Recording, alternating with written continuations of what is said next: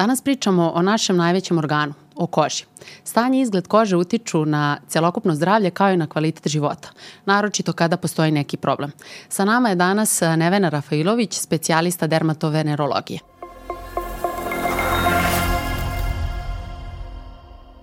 Nevena, šta radi jedan dermatolog? Dermatolog pre svega se bavi lečenjem kože, zatim kose i noktiju, odnosno e, to je njegov nekako e, predmet interesovanja, ali tu je i venerologija, jer svaki dermatolog je ujedno i dermatovenerolog, odnosno i lečenjem, diagnostikovanjem i lečenjem polnoprenosivih bolesti. E sada, što se tiče e, same kože, svi već znamo da je koža najveći organ našeg, e, u, našeg organizma e, i jedan od najtežih organa nakon njega je jetra. E, tako da e, koža, ali nekako zaboravljamo koliko je u stvari koža značajna. A, uvek se nekako baca akcenat na taj estetski moment kože a, i a, dana u današnje vreme a, većina nas smatra da nekako možemo i sami neke promene na koži da lečimo a, jer nam je nekako dostupna. Mi je gledamo, ovaj, možemo da je sami pregledamo, bar tako mislimo, iako možda nekad ne znamo šta gledamo. A, tako da je jako bitno da znamo kada se javljamo dermatologu, a, a da ne eksperimentišemo previše a, sami. Možda pre nego što nastavimo je bilo zgodno da objasnimo koje su tačno sve uloge kože i kao i kosi i noktiju, kao zašto mi to imamo. da. Pa, e, uloga kože je zaista više struka. Znači, to je i termoregulatorna, zaštitna, barijerna, ali i senzorna. Svi znamo da u koži, znači posebno u tom središnjem sloju kože, odnosno u dermisu, postoje brojni uh, senzorni organi koji nam omogućavaju da imamo kontakt, neki prvi kontakt sa spoljašnjim svetom. Znači tu su uh, receptori za bol, za pritisak, hladno, toplo i tako dalje, ali isto tako kao što sam rekla, zaštitnu, ulogu, a, to znači da ona je bukvalno pokrovni neki omotač celog našeg organizma i štiti naš organizam od svih spoljašnjih uticaja. To znači i od fizičkih, hemijskih agenasa, od mikroorganizama i štiti naš organizam od dehidratacije. To je posebno značajno e, i dolazi do izražaja, na primjer, evo, današnje, ovaj, kada je leto, jel? E, kada pregorimo na suncu, prvo što gledamo je da dovoljno se hidriramo, jer upravo kad je narušena kožna barijera, naš organizam može prilično da, da, da propati i da dehidrira. Malo pre si pomenula dermis i to je jedan sloj kože. Da li nam možeš malo detaljnije objasniti ove druge slojeve kože i da. Ono što bi bilo značajno ono što za dalju treba priču. da znamo to je da koža ima ta tri osnovna sloja, odnosno epidermis koji predstavlja taj um, orožali sloj, da ne kažem mrtvi, nije to tako mrtva struktura kao što mi mislimo, ali to je neki prvi uh, sloj, spoljašnji omotač um, naše kože, zatim dermis koja je jedna življa struktura u kojoj, kao što sam rekla, se nalaze, znači, pored svih ovih uh, senzornih uh, organa, nervnih završetaka i krvni sudovi, limfni sudovi, uh, zatim dlaka uh, i Znači, svi neki procesi upravo se najviše tu dešavaju. Znači, kada pričamo jeli, o starenju kože, tu je bitno da spomenemo da se upravo u dermisu nalaze hialuronska kiselina, e, kolagena, elastična vlakna. To je ono što daje turgor i jedrinu našoj koži, ali je takođe značajna za sve druge funkcije i za komunikaciju između epidermisa i dubljih slojeva. I imamo dermi, ovaj, hipodermis koji je u stvari jedan um, mi mogu slobodno reći buffer, znači, odnosno on ublažava sve te pritiske na dublje strukture, na mišiće, na fascije i slično i ujedno je i toplotni izolator. Znači, sastoji se pre svega od masnih ćelija, tako da koža je jedna dinamična struktura i nije tako, kako bih rekla, inertna, neki inertan omotač, već prilično nekako svi ovi slovi komuniciraju između sebe i tekako se i opšte zdravlje organizma oslikava na toj koži. Moram da se vratim na jedan termin, a to je turgor. A, to sam, ja sam zaboravila šta je to, bukvalno. Verujem da će većina ljudi da se pita kao, pa da ne googlamo da nam malo to objasniš. Pa turgor u smislu, u smislu jedrine te da, kože, da. znači kada pritisnemo, jel, kada koža se odmah vraća u početni mm -hmm. položaj, eh, to, to nam je turgor jedrin. kože. Jedrin. Više da. jedrin. Da. Odmah sam zamislila nešto strašno. Ne. e, malo pre si pomenula da e, ljudi jako često sami procenjuju stanje svoje kože. Mm. Mi smo, ja sam nekada bi isto bila taj čovek. Um, I generalno, da li postoje neke smernice uh, kada je vreme da se javimo dermatologu odmah? Mm. Ili... e, suštinski, jednom godišnje bi svako od nas trebalo da poseti dermatologa bez obzira da li smatra da ima neki problem ili nema jer postoje određene promene na koži koje nama možda ne izgledaju toliko problematično ili možda postoje na našoj koži godinama, pa mi onda pomislimo da je to nešto što je normalno, čim nam ne pravi neki problem, ne boli nas. E, a nekad baš to kad ne boli može da bude najveći problem. E, tako da isto tako, znači jednom godišnje neophodno je da se upravo pregleda cela koža zbog prevencije melanoma, ali zbog nekih drugih promena nekad ljudi se prilagode isto nekim stanjima uh, i misle da se to ne leči. Znači, neko ko, na primjer, ima neki srednji ili umereni oblik akni i ima ga godinama, ja to vrlo često srećem, na primjer, u svojoj praksi, pogotovo muškarci. Na primjer, imaju akne 20 godina na leđima. I jednostavno su se prilagodili i smatraju da je to potpuno normalno. I skoro sam imala mušku osobu 45 godina koja je uredno bila na terapiji roakutanom i trajno rešila svoj problem s aknama na leđima. Mm -hmm. Tako da zato je neophodno zaista jednom godišnje otići prvenstveno zbog zdravlja, a onda i zbog nekih stvari koje možda nisu veliki zdravstveni problem, ali ipak koža to vraćamo se na početak, ima i tu e, sociološku, odnosno taj estetsku ovaj, funkciju, jer ipak je koža negde naš prvi kontakt sa, sa drugim ljudskim bićem. I mi negde procenjujemo a, hteli to ili ne, na svesnom ili ne, ovaj, podsvesnom nivou, drugu osobu na osnovu izgleda kože. Pomenula si melanom i akne, pa da li je možda sada zgodno vreme da pomenemo koje su češće dermatološka oboljenja, koje su njihove karakteristike i kako da. bi ljudi lakše ono, razumeli o čemu pričamo? Pa kada smo spomenuli akne, akne su suštinski osme po učestalosti, znači što se tiče svih oboljenja na svetu.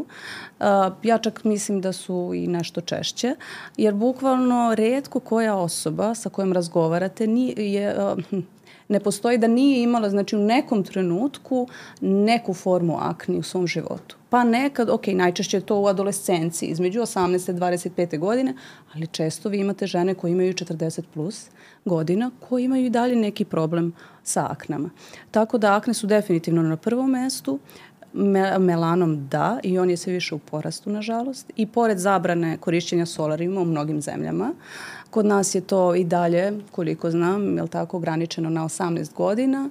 Po meni bi trebalo zaista, jer ako se zna da to najviše dovodi do ovaj, nastanka melanoma, pored naravno nekontrolisanog izlaganja suncu, trebalo bi u potpunosti ukinuti, ali melanom i dalje je veliki problem na koji možemo da utičemo našim ponašanjem i određenim zakonima koje je moguće doneti.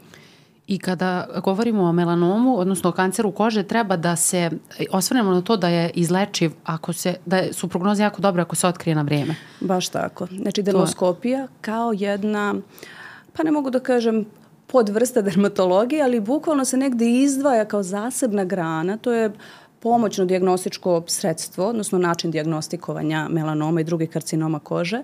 Zahvaljujući dermoskopiji koja je toliko uznapredovala, mi danas možemo bukvalno melanom da uhvatimo u samom početku a, sa svega 3 mm uh -huh. veličine. To je negde 2-3 mm je najmanji melanom do sada uočen. Uh, a, pomoću dermoskopije. Tako da ranije, na primjer, ono A, B, C, D, E, ako se sećate, pravila se mlad, mladeža jeste, tiče, da. Jedno može. od tih ovaj, slova je, je D kao diametar. Uh mhm. -huh. e, ovaj, po to nekoj američkoj klasifikaciji ranije to važilo za svaku promenu koja je već od 7 mm davno je to prevaziđeno. Sad znamo da taj melanom može biti uočen i vrlo, vrlo rano i kada je dosta manji.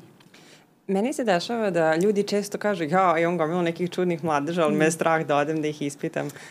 e sad, šta bi značilo, kao, koje su to mladežne koje treba posebno obratiti pažnju? Mm. Suštinski uh, ima to ljude koji imaju takozvani sindrom displastičnog nevusa. Znači imate ljude koji zaista imaju veliki broj mladeža koji zaista svi čudno izgledaju. I to je, tako se i zove, znači sindrom displastičnog nevusa. Šta znači displastičan? Znači malo je drugačiji, malo je neobičan. Vuča nas onako i kad gledamo ga a, okom i a, dermoskopom da nešto tu u toj strukturi nije baš regularno, ali hvala Bogu danas postoje ovaj, određeni, opet pored dermoskopa i uh, određeni složeni sistemi za monitoring, znači za praćenje ovakvih osoba i ovakvih mladeža, zove se Photofinder. A, tako da a, na taj način mi možemo da skeniramo bukvalno i pohranimo te slike, znači svakog pojedinačnog mladeža od te osobe i ukoliko je potrebno na šest meseci ili godinu dana, ta osoba uvek može da pomoću tog kompjuterskog sistema koji je dosta negde malo i napredniji nego je naš, naše subjektivno oko koje posmatra, on ukaže na promene koje su se desile i ukazuje znači šta je potrebno ukloniti. Ja sam zora, ovo ima i kod nas. da, i ima. Kad, kad si pomenula dermoskopiju, uh, imam utisak da ljudi zamišljaju da je to nešto komplikovano, strašno. Ne. Ja sam skoro bila na pregledu, da. idem redovno jednom godišnje, aplauz. I uh, to je mali aparatić, kako sam ga ja doživala i samo ti to lepo pregledaš detaljno, ali kažem nije ništa strašno, trajalo da, je, ne, ne znam. Ne boli. Ne boli ništa, sediš, smeješ se, Pa najprostije rečeno, to je, jedna, to je složena lupa sa o, LED svetla.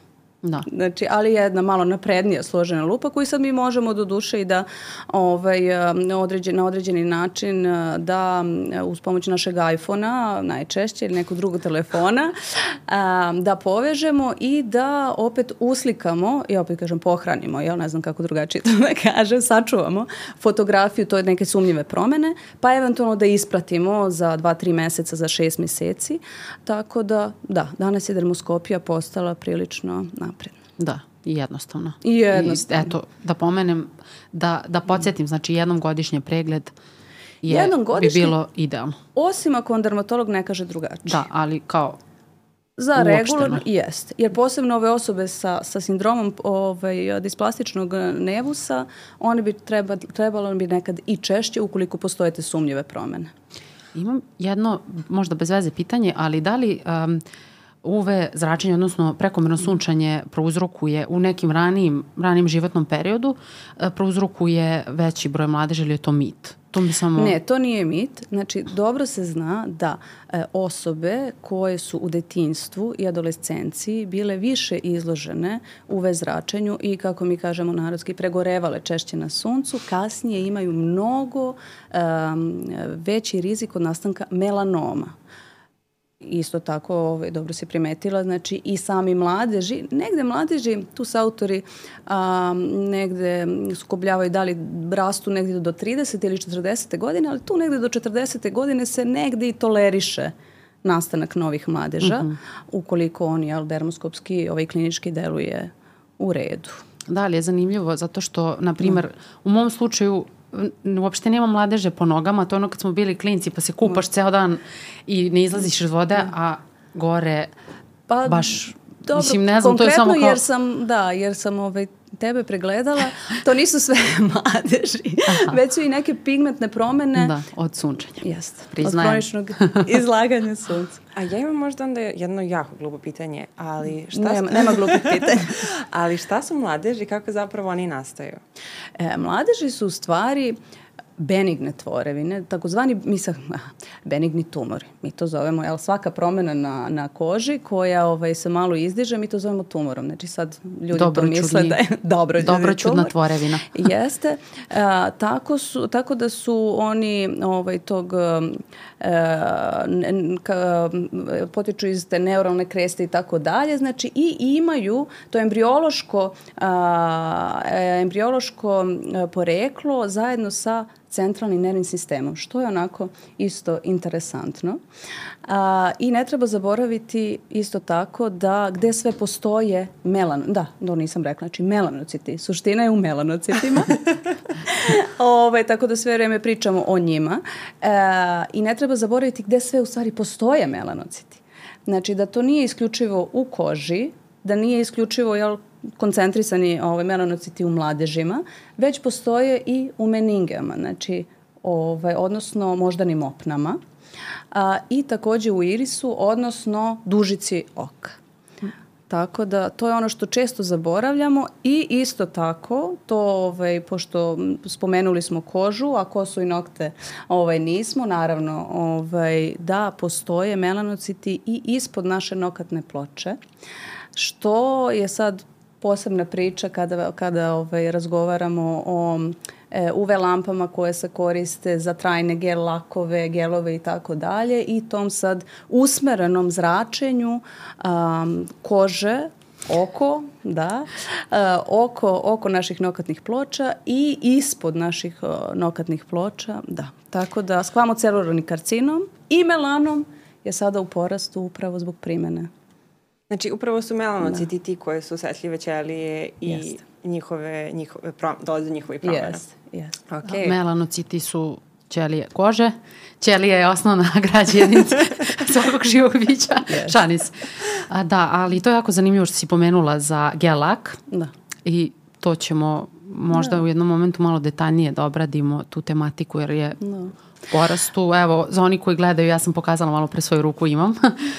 I Interesantno je spomenuti pored melanoma, izvini što te prekidam, no, pa. i taj, sad, sad sam ga spomenula, skvamocelularni karcinom, mm, ljudi u stvari možda i ne znaju šta je to. To onako nekad može da izgleda kao isto um, kao neki ekcem, ali onako nekako koji ružno, nikako ne zarasta, nikako nekad krvari, pa se stvara neka krastica, pa da, to onako može da... To sam, na primjer, da... primetila kod devojaka koje rade, a, koje rade to. To je drugo. Aha. To, je, to se zove, da, to se zove iritativni ili kontaktni dermatitis, uh mhm. -huh. a, koji, znači, jednostavno te neke substance sa kojima te ovaj, yes, dolaze u, u kontakt, koji su malo agresivnije, znači one imaju ili, kažem, iritaciju, znači kožna barijera je narušena, pa ovaj, te substance dodatno iritiraju kožu, ili imaju alergijski kontaktni dermatitis, znači da imaju alergijsku reakciju na ovaj, aceton, na primjer. -huh. ili neki gel i slično zaključak uh, ovoga sada svega jeste ukoliko primetite neku promenu da. obratite se dermatologu. Pa ne, jeste. Bez panike, ali ili eto na toj redovnoj kontroli mm. samo poentirati i pokazati gde, gde se šta nalazi da. na... Uh, ja bih voljela onda kao što smo objasnili na mladeže da možda probamo da objasnimo i akne, jer to je nešto što se često koristi, ali zapravo šta su tačno akne? Kao? Akne suštinski predstavljaju jedno inflamatorno oboljenje, takozvane pilosebacelna jedinica. pilosebacelna jedinica je lojna žlezda, znači jedno klupko, je li tako, sa njom pridruženom dlakom. A, gde to imamo? Na čitavom telu. Gde najviše imamo a, tih pilosebacelnih jedinica koje su a, vezane hormonima, jel, u vezi sa hormonima, pre svega androgenima, muškim polnim hormonima, to je regija lica, zatim presternalno, odnosno regija dekoltea i interskapularno, odnosno između lopatica. Takođe, gornji deo leđa, znači ove, ramena i tako dalje, ali ovo su negde najčešće e, regije. E sada, ono što je bitno u stvari uvek podvući je da su akne oboljenje. Znači, kada neko ima akne, trebalo bi uvek na prvom mestu da se javi dermatologu. Isto tako, vrlo često ljudi ne znaju, kaže ja imam, nemam, uh, kaže imam uh, bubuljice, ali nemam akne. Bubuljica i akna su isto. Ili nemam komedone, ali imam mitisere. Mitiseri i komedoni su isto. Mi imamo različitu vrstu podtipove akni, Tako da nisu samo nodulocistične, znači one krupne akne, kad neko ima velike zapaljenske procese na licu ili na drugim delovima tela akne, već akne mogu biti onako prilično sitni komedončići po celo, kad kaže ubrusio se, po čitavom licu. Ali, s druge strane, pošto skoro je, do skoro je na, na društvenim mrežama vladao jedan trend da se lice uh, a, umiva jednim šamponom da bi se rešile takozvane fungalne akne. Um, to pritom ne postoji taj naziv, to je Pityrosporum folliculitis, znači uzrokovan jednom gljivicom koja normalno se nalazi na našoj koži i u nekim slučajevima kod osoba koji imaju masniju kožu može da se prenamnoži. Znači, uh, sad malo, malo digresija, ali to isto, to nisu akne. I onda ako počnemo da samo inicijativno uh, lečimo nešto što mislimo da su akne, možemo samo da pogoršamo stanje. Znači, jako je bitno da znamo da je to oboljenje koje treba prvo neko da diagnostikuje. Pa tek onda da leči, a ne da se mi tu sad e, prvo javimo kozmetičaru, pa možda nekome ko se malo bavi estetskom medicinom, pa će malo i da ovaj, te akne zaleči. Znači, dermatolog je taj koji zaista četiri godine uči na koji način da leči različita oboljenja, a između ostalog i akne. I to nakon osnovnih studija, samo da se nakon, razumemo. Znači, deset godina minimum. Deset godina, da. da. da. A da li postoje neki od faktora koji utiču na akne u smislu hormona, ishrane, proizvoda? Da, akne su uvek multifaktorske. Znači, mi to volimo tako da kažemo i nekako lečenje akni je uvek sa više strana. To znači, genetika je vrlo značajan faktor. Uvek pitamo pacijenta da li je neko u porodici, otac, majka, tetke, ujaci, stričevi, da li je neko imao neki uzbiljniji oblik akni. Da li su možda pili roakutan. Um, to sad koliko, koliko ljudi znaju šta je roakutan, znači jedan ozbiljni lek za, za lečenje akni. E, da li su možda bili hospitalizovani zbog, zbog akni, jer i to se isto dešava, to isto malo ljudi zna. Nekad je zaista neophodno da se ta osoba isprati i da se daje ozbiljnija terapija za akne.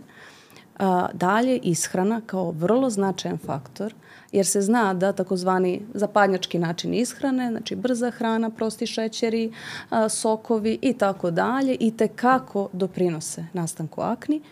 Hormonski disbalans koji je danas sve češći i kod, evo, najranije, na primer, ozbiljan hormonski disbalans i insulinsku rezistenciju sam diagnostikovala kod devojčica od 12 godina, koja tek što je ušla u pubertet, tako da to je sada sve češće.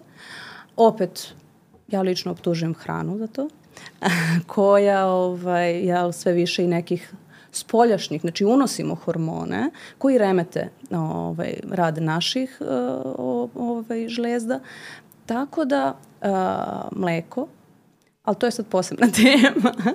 A, ovaj, akne su inače ovaj, lečenje akne moja velika ljubav, tako da ovaj, mogli bismo naširoko ovaj, naveliko da pričamo o tome i naravno ovaj, prisustvo propijenu bakterijum aknes, odnosno kuti bakterijum, da, ovaj, sad je novo ime. Novo ime. ovaj, aknes, znači koji sad, to je sad jedan, kažem, a, međusobni jel, uticaj hormona, bakterija, zapaljenskog procesa, a, insulinske, kažemo opet, ovaj, tog... Pikovi, ti jeste, glukoze pikovi, u krvi. Jeste. Jeste i ovaj, insulinu sličnog faktora rasta iz mleka, ali kažem, to je sad već neka da, druga tema. Biće prilike da pričamo i o tome, ali ja bih sad pomenula i neke kožne bolesti koje izgledaju onako malo, ja ne znam kako da se izrazim, ali uh, po, bolesti poput psorijaze. Ne, psorijaza, seboreja, ja tu ni ne pravim sad neku veliku, da. ja ne pravim razliku, ali te bolesti um, izgledaju kao da su bezopasne, a meni se čini da su opasne, ne znam.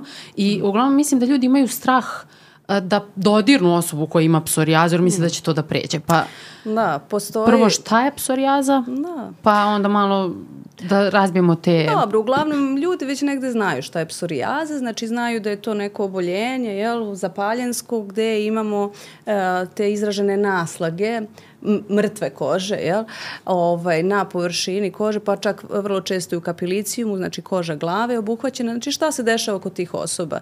Neki, mi to kažemo turnover kože, odnosno e, taj keratinocit, ćelija mm -hmm. kože, da bi dospela iz tog jel, bazalnog sloja pa skroz do površine da postane onaj mrtvi keratinocit ovaj, u epidermisu, otprilike taj turnover kože je, traje oko 28 dana. Kod osoba sa psorijazom to se desi nekad i za 24 sata. -huh. Vrlo često za 48 sati. Znači zato ne stigne, jel ovaj mrtvi sloj ne stigne da se odlepi, takozvana deskvamacija i onda imamo te kao, kao onako kruste, jel? Nisu uh -huh. kruste, ali tu mrtvu kožu koja se nalazi na površini.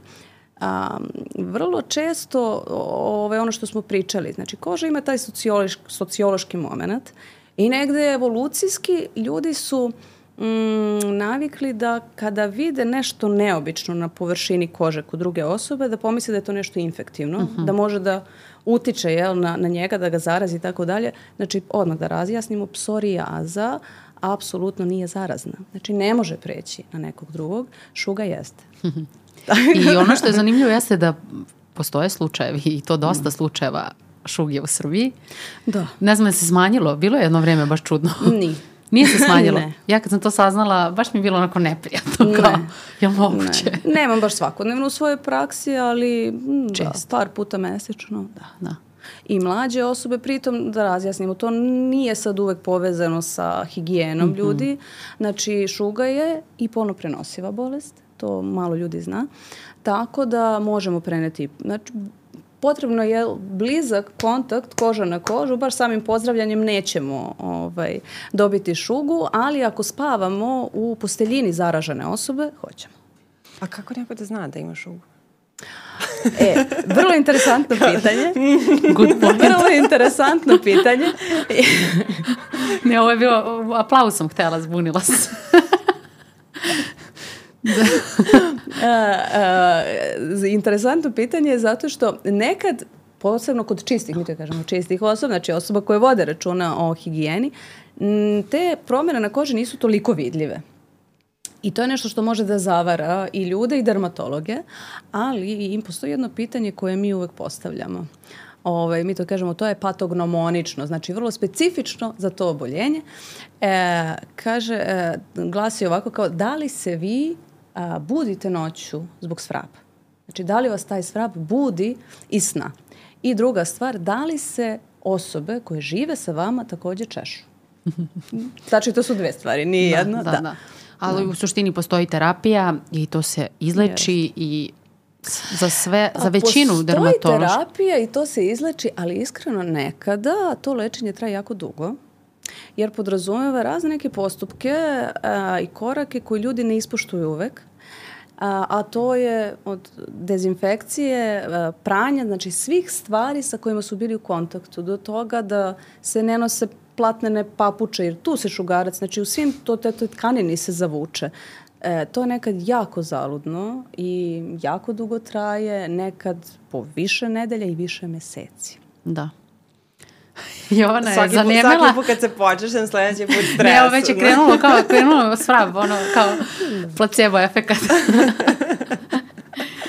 Ali eto, samo da poentiramo da je jako važno koliko je da. dermatolog a, važan da. i kad god imamo neku promjenu da ne radimo to sami i a, često preskačemo kosu da. i nokte Ja da. mislim da niko ne ide kod dermatologa zbog toga. Naprimer, kada se desi da. gljivica na noktima, kada se pojavi, to ljudi nekako sami pa googlaju, pa apoteka, a kosa pogotovo. Da. Po, za kosu da. pogotovo. Opadanje, to će prvo da krenu sa raznim nekim stvarima, pa će tek onda kad vide da je baš problem da se jave godinama kasnije. Da, ljudi u stvari ne znaju da se uh, vrlo često, baš tako, da se dermatolozi bave kosom. Znači svaki vid proređenja, opadanja kose, e, stvaranje gnojanica znači na, na koži glave, što je isto relativno čest problem, to su razna neka oboljenja, a gljivična oboljenja e, kože glave, znači i kose, isto su mm -hmm. ovaj, prisutna. A što se tiče ovaj, gljivice na noktima, e, barem jedno nedeljno se nam, nama se dešava poziv gde pitaju da li se Kod vas ja to kao, leči. Da, da, kao dermatolog time bavim. Tako da definitivno ljudi ne, ne znaju čime se sve dermatolog bavi, a to je definitivno nešto što, mm, što, što treba i pregledati, spomenuli smo malo pre i melanom nokta i tako dalje, ali zašto su koža i, i zašto su kosa i nokti između ostalog bitni za pregled, jer dermatolog kad vas kompletno pregleda, uključujući i kožu, kosu i nokte, može dosta toga da nekad zaključi o vašem e, sveukupnom zdravlju. Znači može da zaključi da imate, na primjer, ozbiljan oblik anemije i da niste uradili gvožđe, feritin i tako dalje, znači neke analize, ili može da posumnja kada, kada sve to onako uzme u obzir, a, e, može da posumnja da imate problem sa štitastom žlezdom. A, isto ljudi ne znaju da nekad um, jedan od prvih znakova određenih maligniteta i to čak 10 godina pre nego što se diagnostikuje malignitet, znači upravo može da bude a, nastanak a, velikog broja seboroičnih keratoza na koži. Mm -hmm. To ima i neki naziv, neki laser trelat znak. Znači, to su neke paraneoplastične dermatoze, kažem, i sve to nešto može da se manifestuje na noktima, na koži, na kosi, tako da je to nešto, da, što treba definitivno shvatiti da dermatolog sve to pregleda. Da, zanimljivo. Ovo je upravo posla najstresnija epizoda koju smo ikad snimali. Što? Meni je baš super. Kao šta će sve da mi izađe na koži? Ne, iskreno, ja sam u zonu kad mogu da dođem na pregled. Ali, ne. ne, mislim da je sad možda skorno da prođemo kroz to da generalno ljudima instinkt da pre nego što se jave dermatologu, prvo će pogledati šta ima na Google-u, šta ima na TikToku, mm. Instagramu, šta i ono, gde god mogu da nađu kao. I da li hoćete da možda prediskutujemo neke od trendova koji sada važne na društvenim mrežama, Može. ono kao stvari koje će ljudi da urade pre nego što se jave dermatologu? Da. Može. Ko će da počne? Evo, meni je prvi ovde stavljanje paste za zube na akne. Dobro, to je stari trend. stari, to je stari... All ovaj, timer. da, isprobani trend i dan danas, znači ja pamtim, uh, na primjer, svog uh, kuma, ovaj, koji je bio odrastao čovjek, koji izlazi ovaj, iz toaleta i oko nešto belo. Ja ga pitam šta ti je to? Kaže, pa izašla mi neka bubuljica pa sam stavio. Tako da ja ne znam zašto, znači još tada, ja sam možda imala sedam godina. Tako da ovaj, taj trend mislim da postoji jako dugo, ali ja ne znam, uh, pasta za zube, sam naziv kaže, to je nešto što se koristi za higijenu, usne duplje, zuba, znači abrazivno sredstvo koje samo može dodatno da dovede do iritacije i većeg zapaljenskog procesa na koži. Tako da To precrtajte. Sve ćemo da, ja mislim da ćemo sve ovo da precrtamo. Sledeći je limun za uklanjanje bubuljica. Da. To je baš I zanimljivo. I fleka. Mm, da. Pa da, postoje te neke preporuke, ali to je vrlo, nije zanimljivo, to je vrlo opasno. To, zanimljivo je, Jeste. zanimljiv je trend jer ćemo ga duplo Jeste. precrtati. jer delo je zdravo, kao limun delo je zdravo. Delo je zdravo, limunska kiselina, da, generalno citrusi su prirodan izvor psoralena. Psoraleni to su određene substance koje dodatno pospešuju osetljivost kože na UV zračenje. Kada stavimo limun na kožu, da li leđa, da li ovaj, uh, kože lica, pa nekad jel, izbeljujemo kosu, pa onda nam malo ostane na ruci, pa izađemo na, na, na sunce, lako može da dođe do ozbiljne, takozvane fototoksične reakcije. Odnosno imamo a, ozbiljno a, opekotinu, čak nekad i sa bulama, tako da tada ćete završiti kod dermatologa. Da. I tu odmah da pomenemo naravno i kantarion, svaki put ga pomenemo, on je isto Sva fototoksičan, sva, da. ali ovi su baš... Da. Da. da, tako da nema, ne mažite ulja i ne pržite se na suncu. Da, evo, to je, to je sledeće bilo, sledeći trend ulja za tamljenje. Uh, pivo za brže dobijanje boje. Obavezno. To... znači tako ćete pospešiti dehidrataciju da, kože. Opekotine. Opekotina je zagarantovana. Brži nastanak bora, fleka, Sigurno. suva koža, stara. Naravno. Odličan trend za, Sup, odlično, za to. Da. Odlično. Ono što ljudi kao mnogo vole su ti homemade šećeri um, koje se prave za peeling, da. kafa, soda bikarbona, mm. Ima ono, sve što se može naći u domaćoj radinosti. Da. Pa da, što, što agresivnije, to bolje. To je uglavnom homemade parola. Ove, ovaj, ja se ne slažem sa tim. Zaista mislim da u današnje vreme kada postoje oprobani proizvodi koji su Testirani, prošli da testirani, koji su prošli određenu regulativu. Znači, mislim da je zaista besmisleno uh, praviti bilo šta homemade, to je moj lični stav i stojim iza toga. A, tako da uvek je bolje e, kupiti nešto što znamo šta radi. Znači ima određenu aktivnu substancu i ima neke negujuće dodatne substance, a, pritom to piringovanje kože do besomučnosti generalno i kože lica i tela nisam pristalica toga.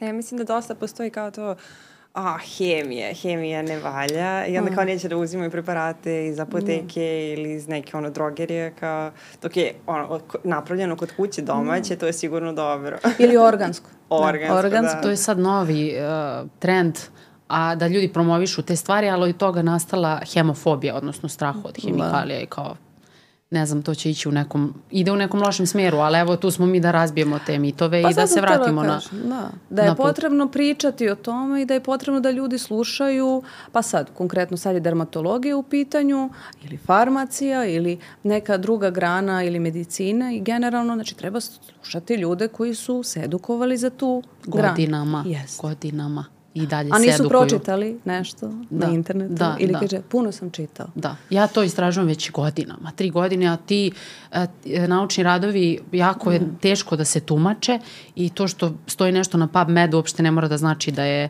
a, dobar rad i mislim mora da se uzme milion neki faktor u obzir, a. tako da... Mi na doktorskim studijama, znači tri godine pošto i tu sam, jel, treća godina. Svaka čast. Ove, e, učimo, znači tri godine učimo kako da tumačimo a, te raz, različite istraživanja i na koji način da pristupimo analizi i nekim zaključcima. Ne? Tako, da. tako da to čitao znači, sam godinama i izučao. da, ti imaš pravo to da, da kažeš. Ti da. stvarno imaš da, pravo. Da, da. Uh, sledeći, to si pomenula, pranje lice šamponom, pranje lice šamponom Nećemo ne mogu da verujem, da. I to je to. Mi ne znam, Jovana, si još nešto našla? Pa, da li se ti Nevena sećaš? Pa možda pravljenje ovaj, tih um, isto seruma, isto u homemade varijanti. Ovaj, da. Da. Užas. Mislim, tu Sa si, visokim koncentracijama, ne znam, vitamina C i slično. Koji se razgrađuje pod istom svetla. Interesantno da, pa naravno da nije stabilan, to vi da, da. bolje znate da objasnite nego ja, ali generalno da, ti trendovi mm, i od strane influencera i osoba koje nisu baš dovoljno potkovane što se tiče dermatologije, kozmetologije, znači gde se što veća koncentracija, ne znam, seruma vitamina C koristi i sad naučili su, to je antioksidans pa se da. koristi za zaštitu od sunca preko dana. Ne. Znači, upravo uh, postoje, znači tačno se zna koje su to koncentracije koje su okej okay da se koriste preko dana, sve preko toga, znači napravit će hiperpigmentaciju, napravit će melazmu, napravit će problem. Uh, A, jer naravno te osobe obično nisu edukovane da bi trebalo SPF, odnosno kreme sa zaštitnim faktorom, da nanose dovoljno često, da ne bi došlo do toga. Tako da, da. Mm, ono što takođe mi se čini da neke ljudi rade, pogotovo ako prate onim influenceri na društvenim mrežama koji promovišu kozmetičke proizvode, da koriste milion preparata. Da. da li ima smisla koristiti jako puno preparata? Ne. ja uvek volim da kažem, najbolje bi bilo ukoliko neko nema zvanično neki dermatološki problem, da koristi tri neka preparata. To je neka umivalica, odnosno gel, pena, sad zavisi ovaj, koji je tip kože, a, za umivanje, zatim neka hidratantna krema i SPF. To je moj stav. Da, e da. Ja sam neko ko jako voli serume, ko voli pilinge, ko voli maske, to je sve u redu. Ako znate kako da koristite. Zato je, čak i ako nemate zvanično neki dermatološki problem, uvek um, zgodnije otići na dermatološki pregled i na taj način uštedeti sebi novac, a da ne isprobavamo sve ono što smo videli kod jednog, drugog, petog, jel tako, na društvenim mrežama, jer mnogo više novca ćete na taj način izgubiti i pritom napraviti sebi problem koji verovatno niste imali pre toga i ne biste ga imali da niste sve to koristili. Jeste, mislim da, mislim ono, ljudi za, kad pristupaju kozmetici uvek su kao prosto moraš da probaš da vidiš da li ti odgovara. I okej, okay, to ima smisla, ali ne moraš da probaš sve. Kao. I to je okej. Okay. Dermatolozi uglavnom imaju od svih, uh, uglavnom... Um, Testere. Uh, jest. Brendova, tih dermokozmetičkih, dobrih preparata medicinskih imaju testere. I opet na taj način uh, znači ćete uštedeti jer ćete da isprobate jedan, dva, tri testera i nećete bacati pare na, na nešto što vam ne odgovara. Da. da. I a, da li, koliko je važno čišćenje lica jednom godišnje, dva puta godišnje. Naravno, zavisi od tipa i stanja kože. Ali U smislu isto... komedo ekstrakcije? Da. Čišćenje, da. profesionalno. Profesionalno. Profesionalna komedo ekstrakcija. da. Pošto ljudi često vole sami da. sebi to da ekstrahuju. Pa da. Suštinski je uvek bolje zaista e, dopustiti nekom ko je obučen i ko se školovao za to, ponovit ću opet, školovao da. za to, da uh, profesionalno očisti to lice kako ne bi sa nekom manipulacijom a, sobstvenom doveli do dodatnih zapaljinskih procesa, odnosno stvaranja fleka. Tako da, zavisnosti kakva je koža. Znači, to je negde individualno. Osobe koje imaju akne vrlo često već na mesec dana, kada su pod terapijom posebno, preporučuje se da češće ove, ovaj, čiste svoje lice na profesionalni način, a, a druge osobe to je uglavnom jednom u dva, tri meseca, znači par puta godišnje. Mm -hmm. I to mhm. uglavnom ništa agresivno, ukoliko kažem ne postoji sad neka problematika, već uglavnom u kombinaciji sa nekim hidratacijskim a, tretmanima.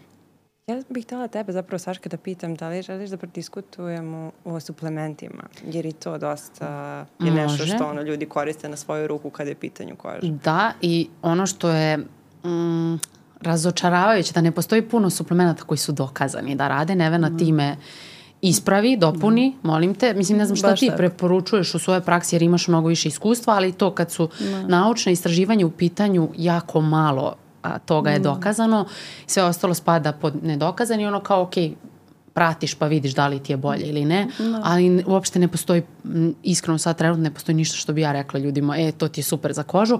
Meni je, na primjer, zanimljiv kolagen, zato što sam, eto, samo znam, nije, je li tebi zanimljiv ili, ili si a, protiv? Imam poseban, ne, imam poseban stav vezano za kolagen. Sad ćemo da ga čujemo, nego samo, uh, bukvalno što se naučih istraživanja tiče, nema, ne. znači nedokazan, nije dokazan efekat, efikasnost. Nešto da. sada kažemo da možemo kažemo je to je primarni suplement, da. koristi ga pomoć sigurno. Za zglobove da. da. I to da. ako nakon tri meseca se ne vidi poboljšanje, da. to kao možda prestaneš da piješ, ali ono što sam primetila da devojke koje piju to, stvarno, koje ja poznam, stvarno imaju lepu kožu. E sad, to je zajedno sa negom, sa tretmanima, sa ovim, sa onim. Mm. Pa tako da bih, ja, ja bih to probala čisto ono malo da eksperimentišem sa kolagenom, da pratim kako će se... Mm a, ponašati moja koža, a što se tiče suplementacije, a, ono što je dokazano je onaj kakao, jedino je dokazan da. i to je neki mali procenat. Ja sam, ne znam, od 1 do 6% kao poboljšava izgled kože i onda meni ljudi kao, znaš ti šta je 1%, to je ništa, kao, ja kao što, pa meni je to baš super, sasvim dovoljno kakao, na primjer, je dokazan da ne, radi. Ne, ti kako ti to rekla, ja svaki doručak, ono, ogromna kašika. da, super, super, super, odlično. Da. 1 do 6% je sasvim dovoljno. Ali onda neki ljudi pišu kao, ma daj, ajde, stavi malo botoksa i 100%. Da. znaš kao. Pa dobro, kad je potreban botoks, da. Zašto da, da, da, razumem, da. razumem, ali mi smiješno, znaš kako su me napali, šta je promovišeš za 1% kakao kao. ne, što se tiče kolagena, tu su vrlo onako kontroverzna ovaj, priča, kad je, kada je koža u pitanju. A, ali ono što se zna, to je kada je taj kolagen izdeljen na peptide, odnosno gradivne elemente tog kolagena i aminokiseline, znači daleko je veća efikasnost. Tako da uzimanje aminokiselina ima smisla za sintezu našeg kolagena. Super. A, isto tako kada, jel, za ljude koji se bave estetskom medicinom ili ovaj, su konzumenti estetske medicine, znači značajno je da kada god radimo neke tretmane koji podrazumevaju stimulaciju stvaranja novog, znači kolagen, um, stimulaciju stvaranja jel, novog kolagena, um, uvek je zgodno da upravo dajemo suplementaciju u vidu aminokiselina, peros, znači kao tableta, ili a, da dodatno, na primjer, radimo laser i da onda injektujemo a, takođe aminokiseline. Zašto? Zato što našim fibroblastima, znači ćelijama koje će da stvore nov kolagen, bukvalno dajemo cigle, ja to mhm. volim da zovem cigle, znači gradivne elemente od kojih će nastati nov kolagen. Šta da tražimo u apoteci? Kakav je to suplement? Nema kod nas. E. Ima u Italiji i preskup je. Da. Dobro, ništa, onda ćemo da kolagen. kolagen. Šta da radimo? kolagen i kakao za sad za naše tržište i onaj suplement koji ja u svakoj epizodi pominjem, onaj, si zapamtila, polipodium leukotomos. E. Znači, suplement, da. taj je dokazan. Heliocare, da. A, ja dokazan, da kažem. Smiješ, slobodno, da. mislim. Da. To je jedini sad kod nas na tržištu koji postoji, onaj protiv, a, to je za zaštitu od sunca, koji ne mora nešto mnogo ranije da se pije, nego pre 24 sata pre izlaganja da. suncu, naročito pogodan za osobe koji koje imaju alergiju na sunce, a i generalno no. za sve. Ta je dokazan i to mi je kao, ja se razočaram što je no. samo malo. Što tako, je to dokaz? Da, što samo je tako uzak izbor mm. suplemenata, ali dobro, eto što kažeš, izbalansirana ishrana i tekako utiče na izgled kože. Mm Tako da, I kose i noktiju. Tako je. Da, mene uvek um, suštinski negde to može isto da bude neki zaključak um, da je jako bitna ta odgovornost pacijenata prema svom zdravlju.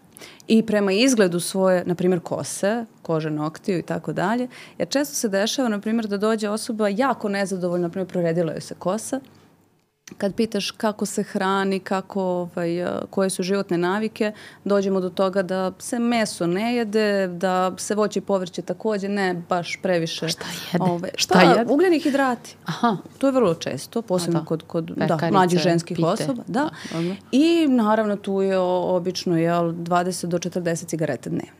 I onda kaže nezadovoljna je jer, jer, je, jer kosa opada. A onda ko, po, ti kažeš zašto onda će da promeni dermatologa? Verovatno. Znači, jako je bitno da znamo šta rade ti nikotinski receptori, ali ta nikotin koji se veze, šta će se desiti sa krvnim sudovima, koji ishranjuju tu dlaku i tako dalje. Tako da jedno je ono što može dermatolog uh mhm. -huh. ili farmaceut ili neko ko leče, a drugo je ono što je do, do samog pacijenta. Znači, ta očekivanja isto treba da budu i odgovornost treba da bude obostrana. A da li, kada im kažeš, da li im, mislim, skreneš pažnju naravno, da li pacijenti primene to? Mislim, znam da ti imaš nas dugogodišnje pacijente i mi neki primenjujemo sve što nam kažeš, ali znam da se ljudi jako često ljute kad, kad im se na nešto ukaže da. i kao, ma nije kako je moja baba to, pa ništa joj nije bilo. Pa ljute se, ali, ali ja kažem. Ja da. uvek kažem, smatram da je to moja odgovornost kao lekara. E sad šta će oni sa time da, da urade, no. to da. je na njima. Kažem, neki... Ili će da na neki način bacaju pare po meni na, ovaj, ili suplemente, posebno da. na biotin, ovaj, koji im neće pomoći za, za rast kose preterano, jer naravno ne postoje studije koje da, potvrđuju da, da. da je biotin ovaj, značajan za, za pospešivanje rasta kose, a, ili na neke tretmane, procedure i tako dalje, a suštinski samo neke životne navike da promene da. imali Mora mnogo veći ovaj, značaj za taj rast kose nego...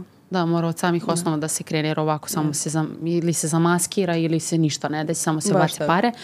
I kaže mi neko promeni dermatologa, neko ostane, pa neko traga kao za nekim ko će dati magični, na, magični Ma i često napitak. konkretno kada je kosa u pitanju uopšte ne shvataju da treba da idu kod dermatologa. Da, Tako da. da vrlo često ti pacijenti uopšte se ne leče, uh mhm. -huh. nego ovaj, rade određene procedure kod osoba koje nisu dovoljno edukovane za... Kod natri lekara. Volim to da kažem. Da li si možda primetila da ljudi imaju predrasud ili bojazan da idu kod dermatologa? Mislim, pored toga što ne razumeju šta sve potpada pod pa oblast. Generalno, da. Kod nas, u, kod, u našoj zemlji, generalno ljudi ne vole da idu kod lekara ne samo kod dermatologa, ali s obzirom da je koža nešto što se vidi, ovaj, tako da to onako deluje zastrašujuće, sad će neko da analizira jel, svaku poru na, ovaj, na našoj koži. Um, tako da, i naravno, boje se melanoma. Znači, boje se melanoma, ali nedovoljno da bi redovno dolazili na pregled, već u smislu da ne dođu, um, da im se ne bi otkrilo tako mm -hmm. nešto. I ko češće dolazi, pretpostavljam da znam odgovor, ali možda me iznenadiš muškarci ili žene? E, za pregled mladeža ili Generalno, kod dermatologa? Da. Kod dermatologa žene uglavnom. Da. A da li dolaze više mlađi ili stariji ljudi? Pa srednji godina negde, najčešće. Ali malo pre smo pričali o kosi i čini mi se da muškarci imaju uh, više problem sa opadanjem kose, tako da evo možda čisto ono kao... Da da se napomene da je vreme, ako već imaju tih problema, da vreme da kod dermatologa. pa imaju češći problem, ali su oni znam, nekako vrlo, uglavnom okej okay sa, sa I to sa mi je tim. super, ali da. znam da se neki baš opterete. Pa dobro, moraju i oni nečem da se opterete. da, ali eto da znaju kome da se obrate, kome da se obrate. Pa to. Pa naravno, da. Tu je na Jer stvarno može da pomogne. Na prvom mestu dermatolog, znači tu je terapija znači od minoksidila koji već sad jel, postoji godinama kao oproban lek i znamo šta radi preko blokatora a, androgene i tako dalje. E, tako da imamo sad raznu terapiju koju možemo i da pijemo ili lokalno da primenjujemo. Tako da nije to sad izgubljeno, jel? nije sve izgubljen slučaj. Znači samo je bitno da se jave na vreme pre nego što se ti folikuli dlake iscrpe. To, pošto znači, mi se čini da, da oni misle kad jednom to ok, da. da, kad dođe do tog nekog krajnjeg da. stadijuma, ali kad krene u početku da mogu to da spreče ako žele, naravno, da, da poboljšaju, e, takođe brada, oni, brada im je Ali tu je uvijek i presađivanje kose. Aha. U krajnjem slučaju tu je i presađivanje kose s tim što je to procedura koja je mnogo zahtevnija i hiruška procedura koja iziskuje i više novca i vremena i tako dalje. E sad, šta ljudi treba da izbegavaju kada je u pitanju održavanje svoje sto, što zdravije kože, a i kose i noktiju? Kao, za početak, solariju. Za početak solariju. to smo. Prekomerno sunčanje u svakom slučaju. A, zatim, interesantno je da često se dešava da žene ne uklanjaju, na primjer, šminku svako veče što onako zvuči neverovatno, pored svih preparata koje imamo i za uklanjanje šminke, a, pa tako ovaj, odlaze jel, na spavanje sa, sa ili nedovoljno uklonjenom šminkom ili sa kompletnom šminkom. Zatim uklanjanje šminke, a, na primer, vlažnim maramicama, to onako posebno um, neki trend koji, koji se meni ne sviđa, jer da dodatno jel, sve one substance koje mogu da budu agresivne iz tih maramica i ta me mehaničko, znači trljanje a, kože posebno u regiju kočiju može dodatno da pospeše starenje takve kože. I naravno nastanak akni koji usled nedovoljno očišćene kože mogu nastati. Tako da to je to. A, dalje... Ceđenje bubuljica. Ceđenje bubuljica, da. Znači, mi imamo naziv čak e, za to kod osoba koje nemaju zvanično akne, e, nemaju neki veliki, nemaju nikakav problem, ali vole uveličavajuće ogledalo e, i manipulaciju ovaj, na svojoj koži, znači da sami čiste cede i tako dalje. Znači, to se zovu akne ekskorije nešto su češće vidljivi kod, a, kod mlađih žena koje su onako malo i nervoznije i tako dalje. Mislim, svako to od nas nekad radi, ali generalno to je neka praksa koju bi trebalo izbegavati. Zašto ne treba e, cijeti bubuljice? Pa zato što ćemo bukvalno dovesti do još veše, veće I sve upale. ono što si na početku, onaj cel, celu strukturu ćemo da. poremetiti, onda će ona bakterija da nabuja Jest. i tako dalje. I bukvalno će nakon toga i kad prođe ta upala da ostane fleka, Znači mi to zovemo postinflamatorna hiperpigmentacija sa kojom ćete mnogo više da se mučite i borite nego da ste jednostavno pustili, pustili da prođe. Da prođe. Da stavili kaladon. A dalje, šta mi pada na pamet, korišćenje nekih pogrešnih kombinacija. Mm, dobro. To, korišćenje prevelike količine tih aktivnih substanci, to si već da. pominjala. Da. Um, šta još? Pa ja generalno da, ne volim znači kombinovanje. Danas, danas nažalost postoje, mislim na, nažalost i na sreću, postoje u slobodnoj prodaji uh, zaista veliki broj preparata koji imaju neke koncentracije aktivnih substanci koje nekako ne bi trebalo da se nađu tek tako u slobodnoj prodaji. Ili bi ta osoba nekako trebalo da prođe određenu edukaciju da bi znala da, ne znam, te kiseline, AH, ABH, ne bi trebalo tek tako kombinovati sa retinolom da taj vitamin C u visokoj koncentraciji i niacinamid u visokoj koncentraciji ne bi trebalo kombinovati i tako dalje. Tako da više volim gotove preparate koje mogu imati i nižu koncentraciju aktivnih substanci koje sinergistički, znači zajedničkim dejstvom deluju na određenu problematiku, na primjer sad a, za ove hiperpigmentacije ili ne znam melazmu i tako dalje. Imamo pigment bioserum koji ima azelaičnu u niskom procentu kiselinu, znači a, e, vitamin C u niskom procentu, vitamin E, niacinamid, sve to kad iskombinujemo a, mi dobijemo preparat koji možemo svakodnevno koristimo i ujutru i uveče koristimo ga kako je propisano, znamo koje su koncentracije i znamo da su to sigurne koncentracije i za početnika i za nekog ko je već napredniji u svojoj nezi. Sad je baš bila aferica sa retinolom. Da. A, nešto su doneli neki zakon da će zabraniti, onda su se svi uspaničili, ali da će zabraniti te visoke koncentracije. Ili, Što je sasvim okej. Okay. Sasvim okej okay, i da će onda je bilo kao ja, ukinuće nam retinol, neće, samo će biti te koncentracije koje svako može da koristi, pa čak i ako pogrešno koristi, neće biti tolika Naravno. drama, ali zašto se to desilo? Zato što ne znam kako se zove onaj retinol što je bio u slobodnoj prodaji, prodaji sa ogromnom količinom, retin, mislim koncentracijom retinola. Neka tubica onako izgleda A, apotekarski. 3, 1, 3. Tako, recimo. recimo. Ili 2, tako nešto. I onda da. su krenuli influenceri uh, Iz da, da promovišu to i ja mislim da je to bio da je to nestalo brzinom svetlosti mm. i da su ljudi onda imali nežene efekte od primene retinola jer je to mm. prevelika koncentracija, on se uvodi polako, sad to smo mm. već smo pričali o tome. Ali Pa ne, možda, možda nije zgorek da objasnimo da sad kad već ponovimo. pričamo o tome. Može. Ako neko koristi retinol da. ili planira da koristi, da li bi nam možda objasnila kako bi trebalo? Može. Hoćeš ti, Nevena, mislim ti si nam sad ovde da ne moram ja, a mogu ja. I šta je uopšte retinol, mislim? Da, to su sve derivati, ovaj, derivati vitamina A. Znači, aktivne substance koje mogu biti mm, znači, u višoj koncentraciji i, kažem, neke druge, znači ne retinol, nego neke druge substance kao što, na primjer, tretinoin, koje su dosta potentnije, znači mnogo, mnogo značajnije. I kad se radi o anti-agingu opet je pametnije otići kod dermatologa da dobijete tretinoin, da ne, ne, ba, nekaš sad ne bacate, ali da ne dajete uvek novac na neke preparate za koje mislite, o koje očekujete ne znam kakav rezultat. Tako da generalno sve što je um, derivat vitamina A, znači retinola, dapalen, tretinoin i tako dalje, bi trebalo uvek postepeno uvoditi. Znači od nižih koncentracija ka višim, znači tri puta nedeljno ili na drugo veče, zavisnosti već od kože, to uglavnom dermatolog proceni, ako želite malo brže jel, da uvedete taj retinol i postoje znači koncentracije koje možemo bezbedno koristiti i leti ako smo prilagodili svoju kožu i obavezno koristimo SPF da ne bi došlo do opet preosetljivosti na sunce. Ja sam skoro, izvinjavam se, skoro sam imala ovaj poziv gde sam ja preporučila jednu stvarno odličnu kremu sa retinolom.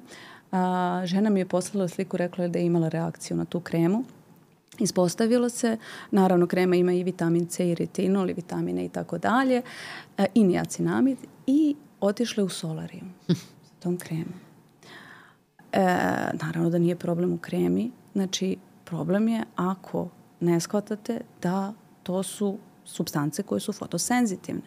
Da. I Tako uz koje, da, ako da. se namaže ta krema, mora da se maže krema sa zaštitnim faktorom. Jeste. Mora. Jeste.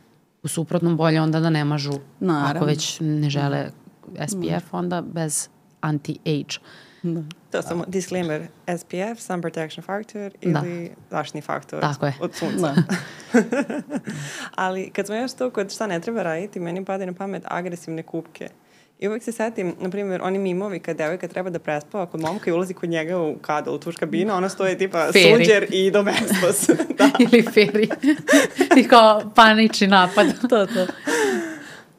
Pa ne, e, što se tiče bilo čega što je agresivno ovaj, za, za negu kože, ja to ne podržavam. Znači, malo pre smo spomenuli malo agresivnije pilinge. Kožu treba ostaviti da negde ona sama nađe svoj balans.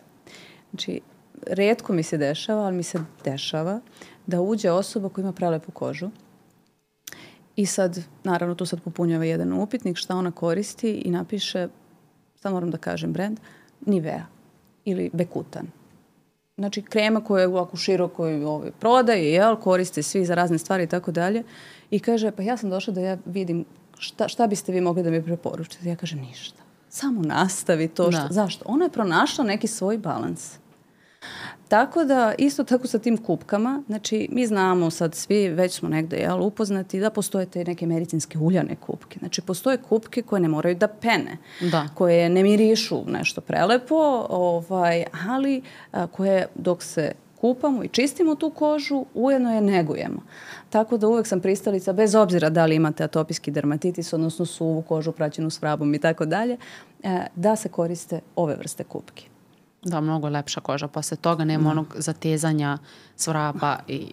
Peckanja. Da. da. Ono kao pričali smo šta ne treba raditi i sad da zaključimo sa šta treba raditi. Da, i samo kod šta ne treba raditi uh, za terapiju. Nećemo sad detaljno ulaziti no. u lekove jer je uh, op, veoma šarenolik ne. repertoar lekova koji se koristi ne. za dermatološke probleme, ali generalno... A, Kako tako? Pa ljudi uglavnom misle da to su dve kremice. a, ja e, baš sam, kupila sam knjigu iz farmakologije, a, izaš, bukvalno najkomplikovanija je ta Uh, mislim, nije najkomplikovanija, ali najviše lekova ima u toj sekciji. Baš piše kao naj... Čak, čak nisu ni nabrali sve, kao ne morate da učite, to će dermatolog da propisuje. Ali ako slušaš Dr. Hausa, kaže, ono što je vlažno treba posušiti, ono što je suvo treba da postane vlažnije. To je suština dermatološke terapije. Malo se ali, šalim, ali nije daleko. Za neke stvari nije daleko od istine. Mislim, stvari treba nekde pojednostaviti, ali ne, ne previše. E, terapija koja često se za neke dermatoze koristi jeste kortikosteroidna lokalna terapija. I to je nekako nešto što mi svi volimo da edukujemo pacijente, da je svak, svako od nas, znači da ne koriste tek tako i da ne koriste nekontrolisano. Svako od nas, ne znam kako, ovaj, u zemlji Srbiji ima u svojoj kući neki sinoderm. To je vrlo potentan kortikosteroidni ovaj, preparat, ali to valjda deluje onako da je u tubici neka kremica, pa ne deluje nekako opasno, tako da se taj, na primjer, sinoderm ili ne znam, neki drugi lekovi ovaj, u vidu kortikosteroida koriste za razne stvari i kad znaju i kad ne znaju ljudi šta je u pitanju. I onda naravno imamo ljude koji su zaplašeni kortikosteroidima i koji znaju sad za te neke neželjene reakcije jer su nekontrolisano koristili na način kako ne treba i onda su zaplašeni, onda i kad treba da koriste, ne žele da koriste. A da li bi nam objasnila šta su kortikosteroidi i koji su to neki neželjeni efekti kojih se ljudi plaše, do kojih dolazi naravno usled nepravilne primene, a ne ono kad se koriste pravilno? Da. Znači, kort, kortikosteroidni preparati koji mi koristimo u dermatologiji pre svega imaju taj antiinflamatorni efekt. To je ono što mi najčešće želimo da, da ovaj, negde postignemo. Znači da smanjimo upalu na mestu gde primenjujemo. E sad, jako je bitno da m, mm, posebno za lečenje nekih dermatoza to primenjujemo a, po određenoj šemi.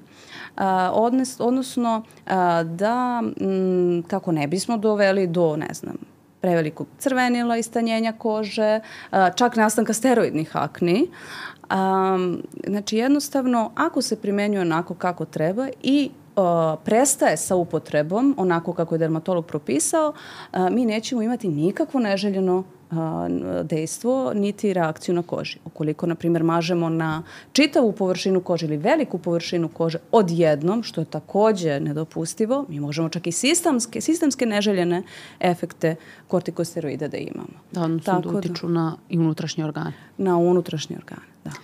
Ali um, nekako mi se čini da ja sam pričala o tome i kao da se sve svaljuje na pacijenta, kao ako ti se desi neželjeni efekt, ti si kriv.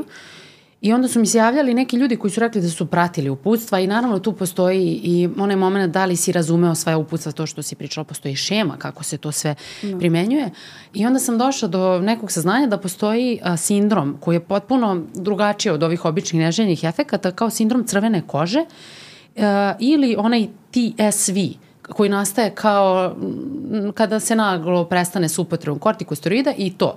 Uh, nekad je zbog nepravilne upotrebe, ali nekad se dešava da kod jakog malog, to je jako mali, mali, mali broj pacijenata, se desi to i nakon pravilne upotrebe. Ali to ne znači da ne treba ljudi da koriste kortikosteroide, jer postoje i udruženja za to, uh, zato što ljudi koji dobiju taj sindrom stvarno se osjećaju onako uh, mislim da je jako teško stanje, ali kažem to je jako mali broj pacijenata mm.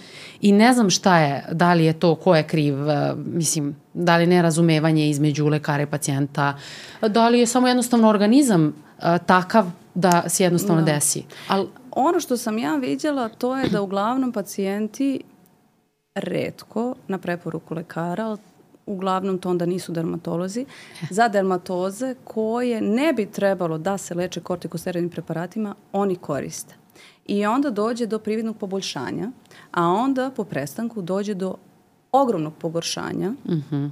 takozvani rebound fenomen, znači e, gde, i sad čak sam i ja pričala o tome, znači da je to postoje dermatoze koje se nikad ne leče kortikosteroidima, to su akne, rozacija, gljivična oboljenja, što ljudi nekako, ne znam, i dan danas Da, čim ide promenu na koži, ide kortikosteroid. To ljudi I sami jest. mogu da nabave, uđeš jest. u apoteku, kupiš. I onda imamo gljivičnu infekciju koja je rezistentna, koja se gaji na koži, doslo, doslovno gaji, mesecima, jer namaže se kortikosteroidni preparat, ona nestane, čim se ponovo pojavi, opet se namaže, ono nestane, pa se širi i tako dalje. I ovaj danas imamo stvarno veliki problem sa rezistentnim gljivičnim oboljenjima kože. I čini mi se kod beba da se često kortikosteroidi nekad opravdano, nekad neopravdano koriste. To kad se mm. čim se nešto pojavi uh, u strahu roditelji to namažu mm. i onda možda tako krene sa tom hroničnom upotrebom možda kad je, mm. nije bilo potrebe i mislim da tako postoji nekih 300 faktora koji mogu da utiču mm. na taj strah od uh, kortikosteroida, ali eto, kad, kad je, postoji. Do mislim. duše, do duše, da, ja češće srećem zaplašene ove, roditelje koji ne žele da primene niske koncentracije kortikosteroida onda kada je neophodno. Kada je neophodno, da. Zato je bitno sa dermatologom to da to savjetovanje sa dermatologom, jer ako krene, uh, rekao mi ovaj, rekao mi onaj, onda može stvarno da nastane ovaj, ovaj problem. Da. Mislim, ili ovi blaži neželjni efekti. Odgovorna upotreba terapije u savjetovanje sa dobrim stručnim licem. Baš tako. Ne, kortikosteroidi su stvarno nezgodni zato što ono, lako reše problem, brzo deluju, ono, sve što, a po, ono, potom vas nešto svrbi, to ono, smara, tako da, ali je problem je prosto, ne može da. da se koristi bez da lekar to prati sa vama. Da. da. Ali dobro, dosta strašnih tema. Ajde da pričamo nešto šta ljudi treba da rade. Koje su neka jednostavna pravila da ljudima koža, kosa, nokti budu što zdraviji ili da mogu da ih očuvaju što više kako bi se što manje suočavali sa svim ovim traumatičnim iskusima koje smo pomenule danas? pa pre svega zdrava ishrana, a, dobar san, verovali ili ne, jer kad imamo dobar san, onda imamo dovoljno melatonina, dovoljno serotonina, nemamo potrebe za unošenjem junk fooda. Istina. Ele, mi imamo dobru kožu. Tako da, e, i neki pozitivan, zdrav pristup svemu, životu, znači bez previše komplikovanja, to uključuje i ovu negu. A, znači možemo, nismo spomenuli pomade akne koje nastaju od pretrpavanja kože sa, sa mnoštvom tih proizvoda, da se začepe po, ovaj, jel, pore i tako dalje. Ovaj, tako da bukvalno akne prouzrokovane gomilom proizvoda koje se u isto vreme stavljaju na kožu. Tako da to je negde ovaj, šta treba raditi, znači imati neki jednostavan pristup svemu.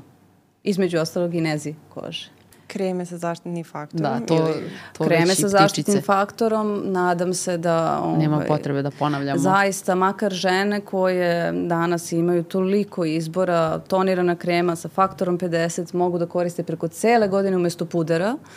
Tako da ovaj, mislim da je to zaista nešto što je danas trebalo bi svi da znaju.